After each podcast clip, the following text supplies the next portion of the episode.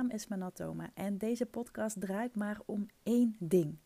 Hoe word jij online opgemerkt met jouw kennis en expertise? Zonder trucjes en poespas, maar door gebruik te maken van het meest simpele en krachtige wapen wat er maar bestaat: positionering en personal branding. Mensen betalen vooral voor snelheid en voor comfort en voor gemak. Dat maakt ook dat mensen bepaalde business coaches inschakelen of marketeers of wat het dan ook maar is. Waarom ze mij inschakelen. In principe ligt alles wat je nodig hebt en wat je moet weten en wat je kunt leren, ligt praktisch gratis op het internet. Is op YouTube te vinden, is in boeken te vinden. Nou ja, goed, die zijn misschien niet helemaal gratis, maar hè, je snapt mijn punt.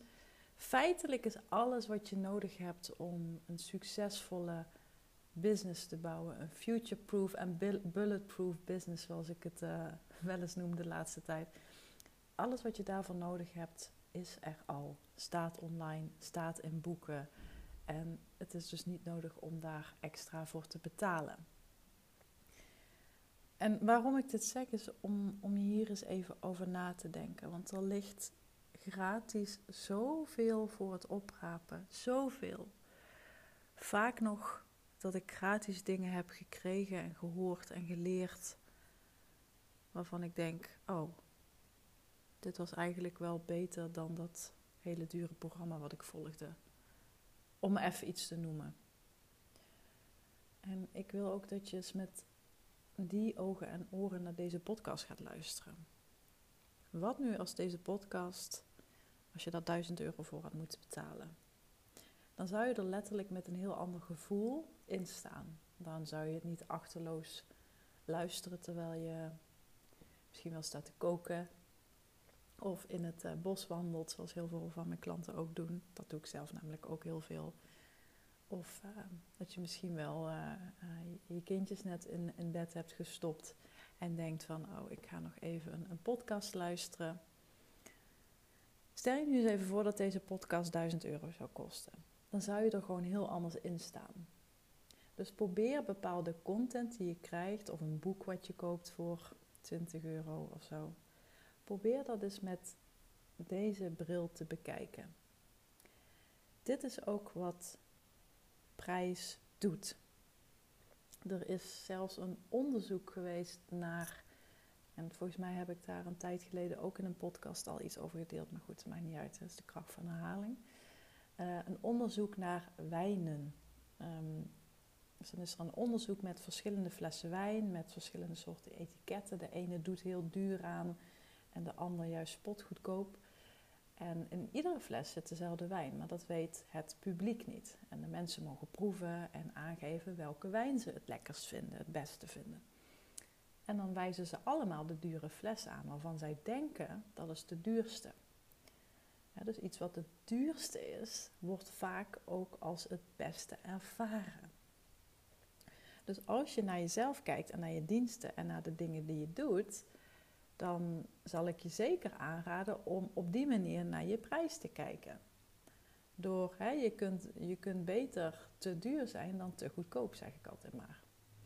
En dit moet je natuurlijk wel kunnen waarmaken. En uh, je moet daarvoor natuurlijk wel de dingen leveren en kunnen en doen die die prijs rechtvaardigen. Hè? Want iedereen kan natuurlijk nu opeens de prijs maar 10 doen. Maar dat is natuurlijk gewoon uh, ja, dat kan een strategie zijn als je daarvoor uh, kiest. Het is niet mijn strategie in ieder geval.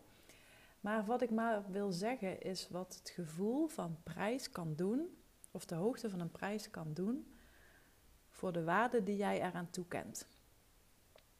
Dus als je naar deze podcast luistert, doe gewoon alsof die 1000 euro heeft gekost. gewoon voor de grap. En kijk eens wat er gebeurt.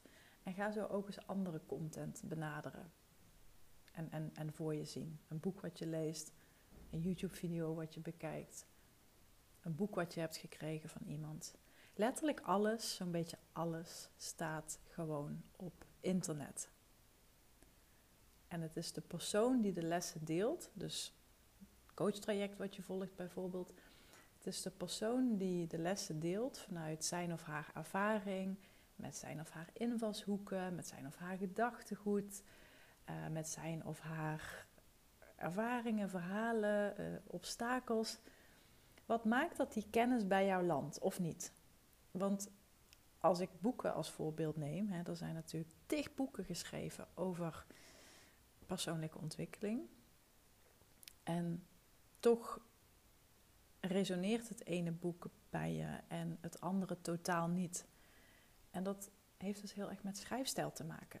Heel erg met tone of voice, met karakter, met, met de schrijver. En daarom geloof ik ook zozeer dat als je je gaat positioneren, en daar kun je natuurlijk tal van manieren mee op, dat je A, heel erg kijkt naar je skillset. Hè, want dat wat je doet, dat moet gewoon rete goed zijn. Maar dat je ook kijkt naar je karakter en naar je persoonlijkheid en alles wat daarbij hoort. Want dat maakt dat bepaalde informatie bij iemand beklijft, blijft plakken. Dat het wat triggert in die persoon. Daarmee maak je uiteindelijk echt het verschil. En dat is uiteindelijk ook het verschil waar mensen jou voor betalen. En over dat gratis gesproken, en, nu kom ik op echt het onderwerp van deze podcast, was een beetje een lange intro, is dat ik laatst, ehm, hoe heet het, Oorlog in de Keuken aan het kijken was van Gordon Ramsay.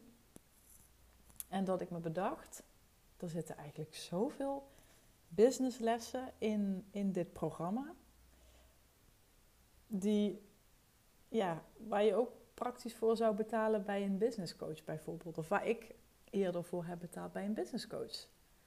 En niet dat dat verkeerd is, hè? maar gewoon puur om je te laten inzien van zet die voelsprieten aan. Ehm, ehm, probeer, die, die, probeer die voelsprieten te ontwikkelen. Want er ligt gewoon zoveel waardevolle kennis voor het grijpen, voor het pakken, waar je niks voor hoeft te betalen.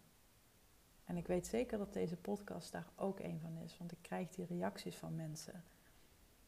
Dat ze blij zijn, dat ze het snappen, dat ze de rust fijn vinden, dat ik het zo goed uitleg, dat ze het gaan doen, dat ze er heel veel van leren. Dat is ook wat gratis content kan doen. En als ik dan kijk naar die Gordon Ramsay en ik bekijk dat programma, mij is het programma echt al jaren oud, maar het is nu weer volgens mij in herhaling op de, op de buis. En ik zat me dat zo eens te bekijken en ik dacht, holy moly, dit is echt waardevolle shit. En vanuit het programma van Gordon Ramsay heb ik uh, vijf lessen genoteerd, vijf lessen opgeschreven, waarvan ik denk, dit kun je ook als senior kennisprofessional in jouw positionering, in jouw aanbod, in jouw business gebruiken. Dus ga de volgende keer eens naar een dergelijk programma kijken en let daar eens op. Een van de dingen waar Gordon Ramsay altijd mee begint, en hij is een, als je het dan hebt over positionering en personal branding, hij is natuurlijk een kok, een tv-kok, maar hij heeft ook echt gevoel voor ondernemen, vind ik. Hij heeft echt wel een commercieel oog. En los daarvan is het natuurlijk ook best wel een bepaald typetje. Dus daarmee eh, onderscheidt hij zich natuurlijk enorm.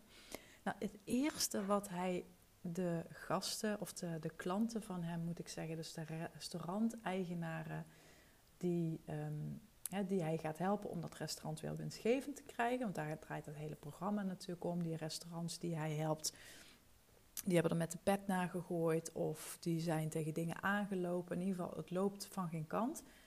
En hij komt dan met zijn expertise die mensen helpen om dat restaurant letterlijk en vuurlijk weer op de kaart te zetten.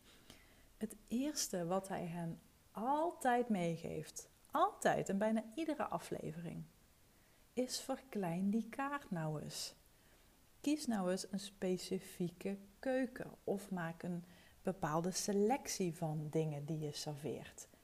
Want die kaarten die ze hebben en die ze laten zien, dat zijn altijd kaarten met, ik, ik weet niet hoeveel pagina's, met ik weet niet hoeveel gerechten erop.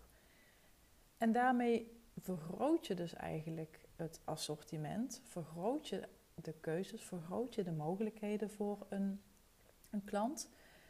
Maar maak je het ook moeilijker om te kiezen en maak je het ook moeilijker voor jezelf om ergens jezelf op te onderscheiden of ergens mee uit te blinken. Echte goede restaurants, echte goede keukens hebben natuurlijk een vrij subtiele, kleine, compacte kaart. Als je krijgt ofwel uh, uh, verse zeegerechten of het is helemaal toegespitst op, op mensen die van vlees houden of het is vegan. Of...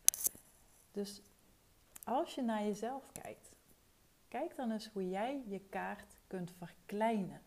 Zodat je door het verkleinen van die kaart jouw impact en jouw um, zingeving, maar ook het effect en het rendement wat jij hebt bij een klant kunt vergroten. Het tweede wat hij altijd aanraadt, want soms heb je wel eens dingen die, ja, die ze dan in de magnetron opwarmen, die ze dan vanuit de diepvriezer in de magnetron flikkeren. En dan serveren ze dat met zo'n lullig blaadje sla. En uh, nou, dat ziet er natuurlijk helemaal niet uit. Wat Gordon dan altijd zegt, beknibbel nooit op kwaliteit. Zorg dat je de allerbeste en de meest verse ingrediënten gebruikt. Daarmee heb je al de helft gewonnen.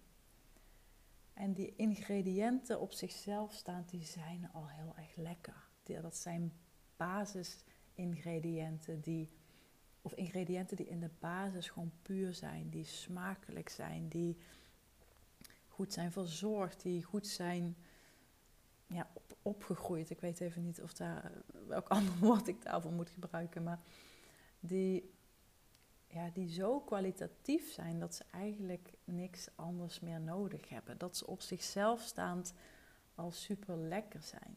Dus als je naar jezelf kijkt, kies dan ook alsjeblieft voor de, de beste materialen, de allerbeste samenwerkingen, de, uh, de beste tools. Uh, wat het dan ook maar is om je business van de grond te krijgen. Of nou, misschien is hij al van de grond. Hè. Dat klinkt net alsof je een, een ehm, starter bent. Maar beknibbel daar niet op. En, en, ik, zeg, en ik zeg hiermee niet dat je een, um, maar geld over de bank moet smijten. Over allerlei uh, producten. En dat je maar van alles moet kopen omdat het zo goed is of zo kwalitatief. Maar ik heb bijvoorbeeld wel eens. Um, goh, even een voorbeeld uh, verzinnen. Ik geef natuurlijk zelf webinars en uh, dat is een automated webinar. Daar heb ik ook al vaker over gedeeld. Um, ik doe dat bewust niet live. Um, ook vanwege mijn tijd, maar ook vanwege uh, mijn gezondheid. Ik moet vaak hoesten en nou, het schiet gewoon niet op. En ik zocht dus een webinar tool die A, niet de hele tijd hapert en vasthangt. Want dat, dat zie je gewoon heel erg veel gebeuren. En ik vind het bloedirritant, in alle eerlijkheid. Het kan natuurlijk altijd een keer fout gaan, hè? ik bedoel, het blijft techniek. Maar als het op regelmatige basis continu loopt te kloten, dan ben ik er gewoon klaar mee. En dan, dan betaal ik liever het dubbele voor iets waarvan ik weet, dit is gewoon, dit is gewoon goed spul. En daar betaal, je dan, daar betaal ik dan ook graag extra voor. En ik heb bijvoorbeeld nu een webinar software, of ik heb webinar software die in Nederland helemaal niet bekend is. En, en Nederland gebruikt, ja, ik ken niemand die hem gebruikt in ieder geval. Uh, het is best wel een dure webinar software. Ik betaal volgens mij iets van 130 dollar per maand. Maar je hebt, dan heb je ook wel wat. He, dus er zitten interactieve elementen bij. Alles wordt opgeslagen. Uh, dus je kunt um, tijdens het webinar ook reageren als je dat wil. Um, uh, verdenken, wat nog meer hoor. Ja, alles is heel goed geregeld met allerlei andere tools. Um, de service desk is echt subliem. Dat zijn echt fantastische medewerkers. En volgens mij zitten ze op de Filipijnen, maar ja, ze reageren supersnel, altijd heel stipt. Um, ja, weet je, en dat is het mij gewoon waard.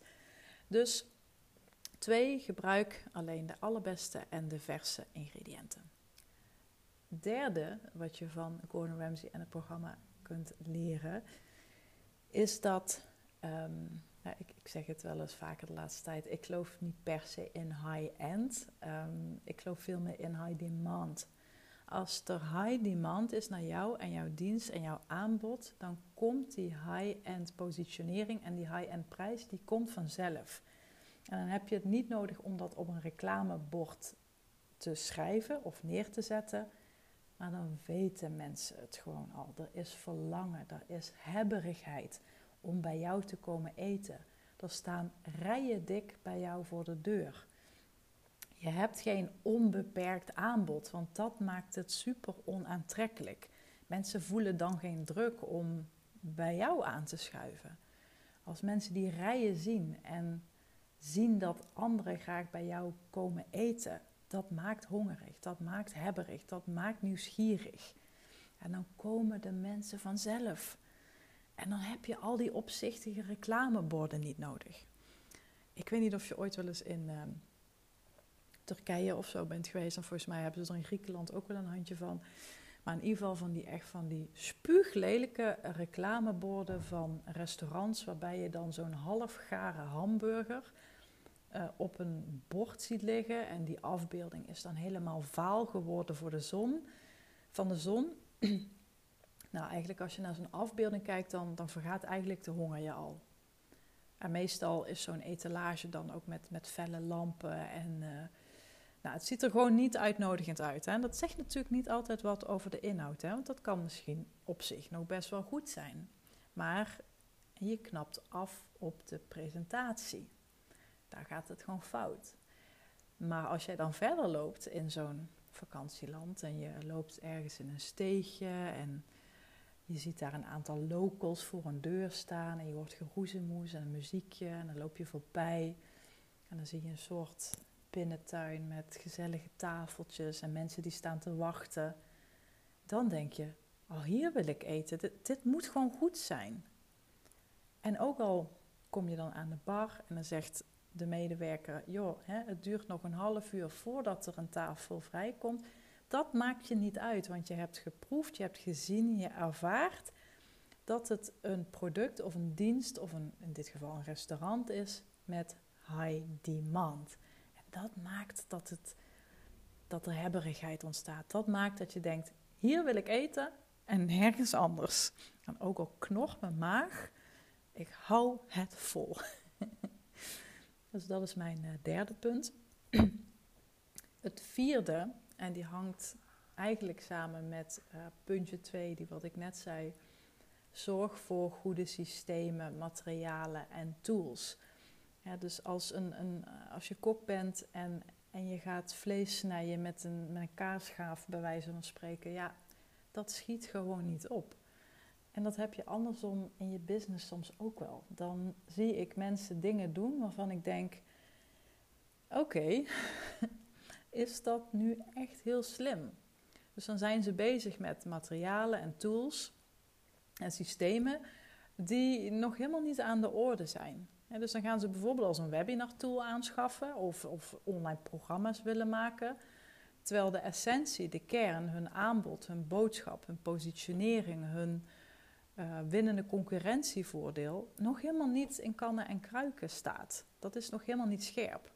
En ik, ik snap dit zo goed, omdat ik zelf hier ook natuurlijk mega last van heb gehad een paar jaar geleden. Toen staarde ik me ook blind op al die materialen, middelen en manieren.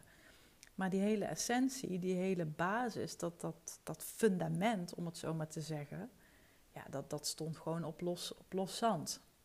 en dan kun je een muurtje proberen te metselen tot je in ons weegt, maar het blijft omkieperen.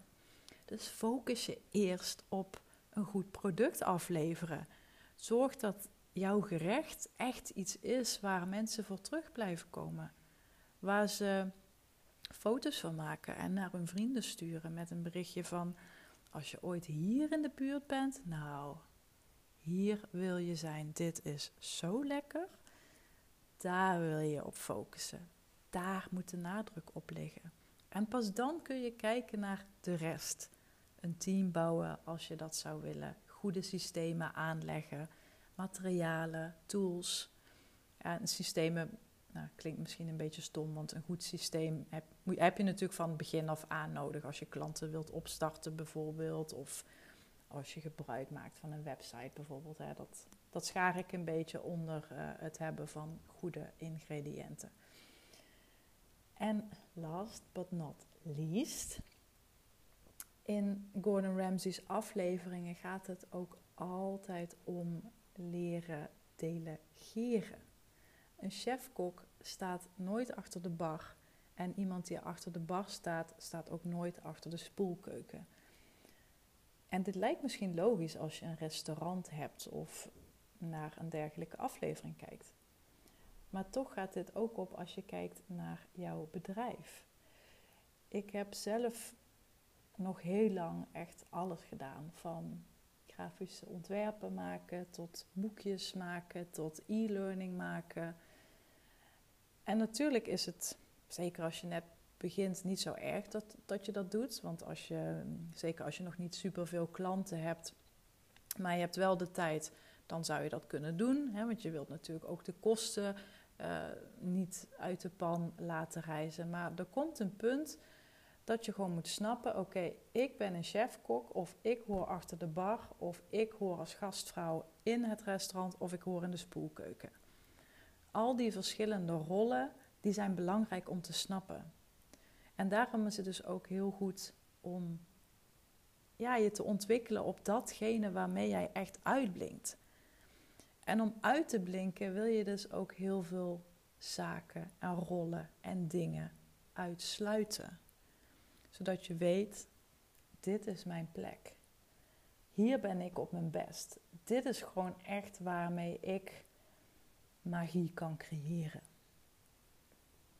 Dus dat is de vijfde. Leren delegeren of ja, noem het leiderschap pakken. Geef er een, geef er een, eh, een woord aan, daar gaat het ook niet zo om. Maar ja, ik wilde je deze vijf even meegeven, omdat ik uh, nou ja, zelf die aflevering toevallig laat zag en me daarmee realiseerde hoeveel ja, gratis inspiratie er voor het uh, oprapen ligt, zoveel gratis lessen. En weet ook dat, dat daar vaak in zit. Hè? Zoals ik in het begin van de podcast ook zei, mensen betalen voor gemak en mensen betalen voor snelheid. Want tijd is voor de meeste mensen gewoon ontzettend kostbaar. En dat maakt dus ook dat ze mensen zoeken om hen hierbij te helpen, om hen daarbij te sturen, te begeleiden. Want ze hebben misschien al verschillende boeken gelezen of ik weet niet hoeveel kanalen van YouTube gebinged watched. En dus ze komen daardoor vaak niet in actie. En dat ligt er A aan omdat het gratis is. En zoals ik je in het begin ook vertelde, iets wat gratis is, wordt vaak wat minder op waarde geschat. Hoe duurder iets is, hoe eerder mensen denken dat dat dan ook het meest waardevolle is of de allerbeste keus. Je weet nu dat dat niet per se zo is, maar zo werkt het psychisch gewoon wel in het brein. En als je ziet dat, als je ziet dat die, die tijd en dat comfort belangrijk is, dan, dan, dan is dat ook hetgene waarom mensen iemand inschakelen om hen daarbij te helpen. Juist omdat die tijd en dat comfort voor hen belangrijk is. En omdat ze het al eerder hebben gedaan en niet tot datgene kwamen waar ze ja, naartoe wilden werken. Dus ik hoop dat deze aflevering heeft geïnspireerd. Laat het me ook even weten. Ehm, ik heb hem vrij spontaan opgenomen, moet ik zeggen. Nou, ik zeg dit er altijd bij, maar volgens mij weet je inmiddels wel dat ik mijn podcast amper voorbereid. Maar ik ben benieuwd, heb je gedaan alsof die 1000 euro heeft gekost? Heb je echt de vijf adviezen goed tot je laten doordringen, tot in de diepste krochten van je hersenen en je ziel? ik hoop het. En ja, ik, uh, ik ben heel benieuwd naar je reactie, of je een aha-moment hieruit hebt, uh, hebt gehaald. Laat het me weten. En misschien heb jij ook wel een bepaalde vraag of een vraagstuk of een probleem of iets waar je tegenaan loopt, stuur me dan gerust even een berichtje. Ik ben uh, oprecht heel benieuwd en heel nieuwsgierig. En dan denk ik graag heel even met je mee wat voor jou, uh, wat voor jou zou kunnen. En uh, wens ik je voor nu gewoon weer een hele mooie, opmerkelijke dag. Ik zou zeggen, fire in the hole. Zet hem op met alles waar je mee bezig bent. En tot de volgende keer. Bye bye.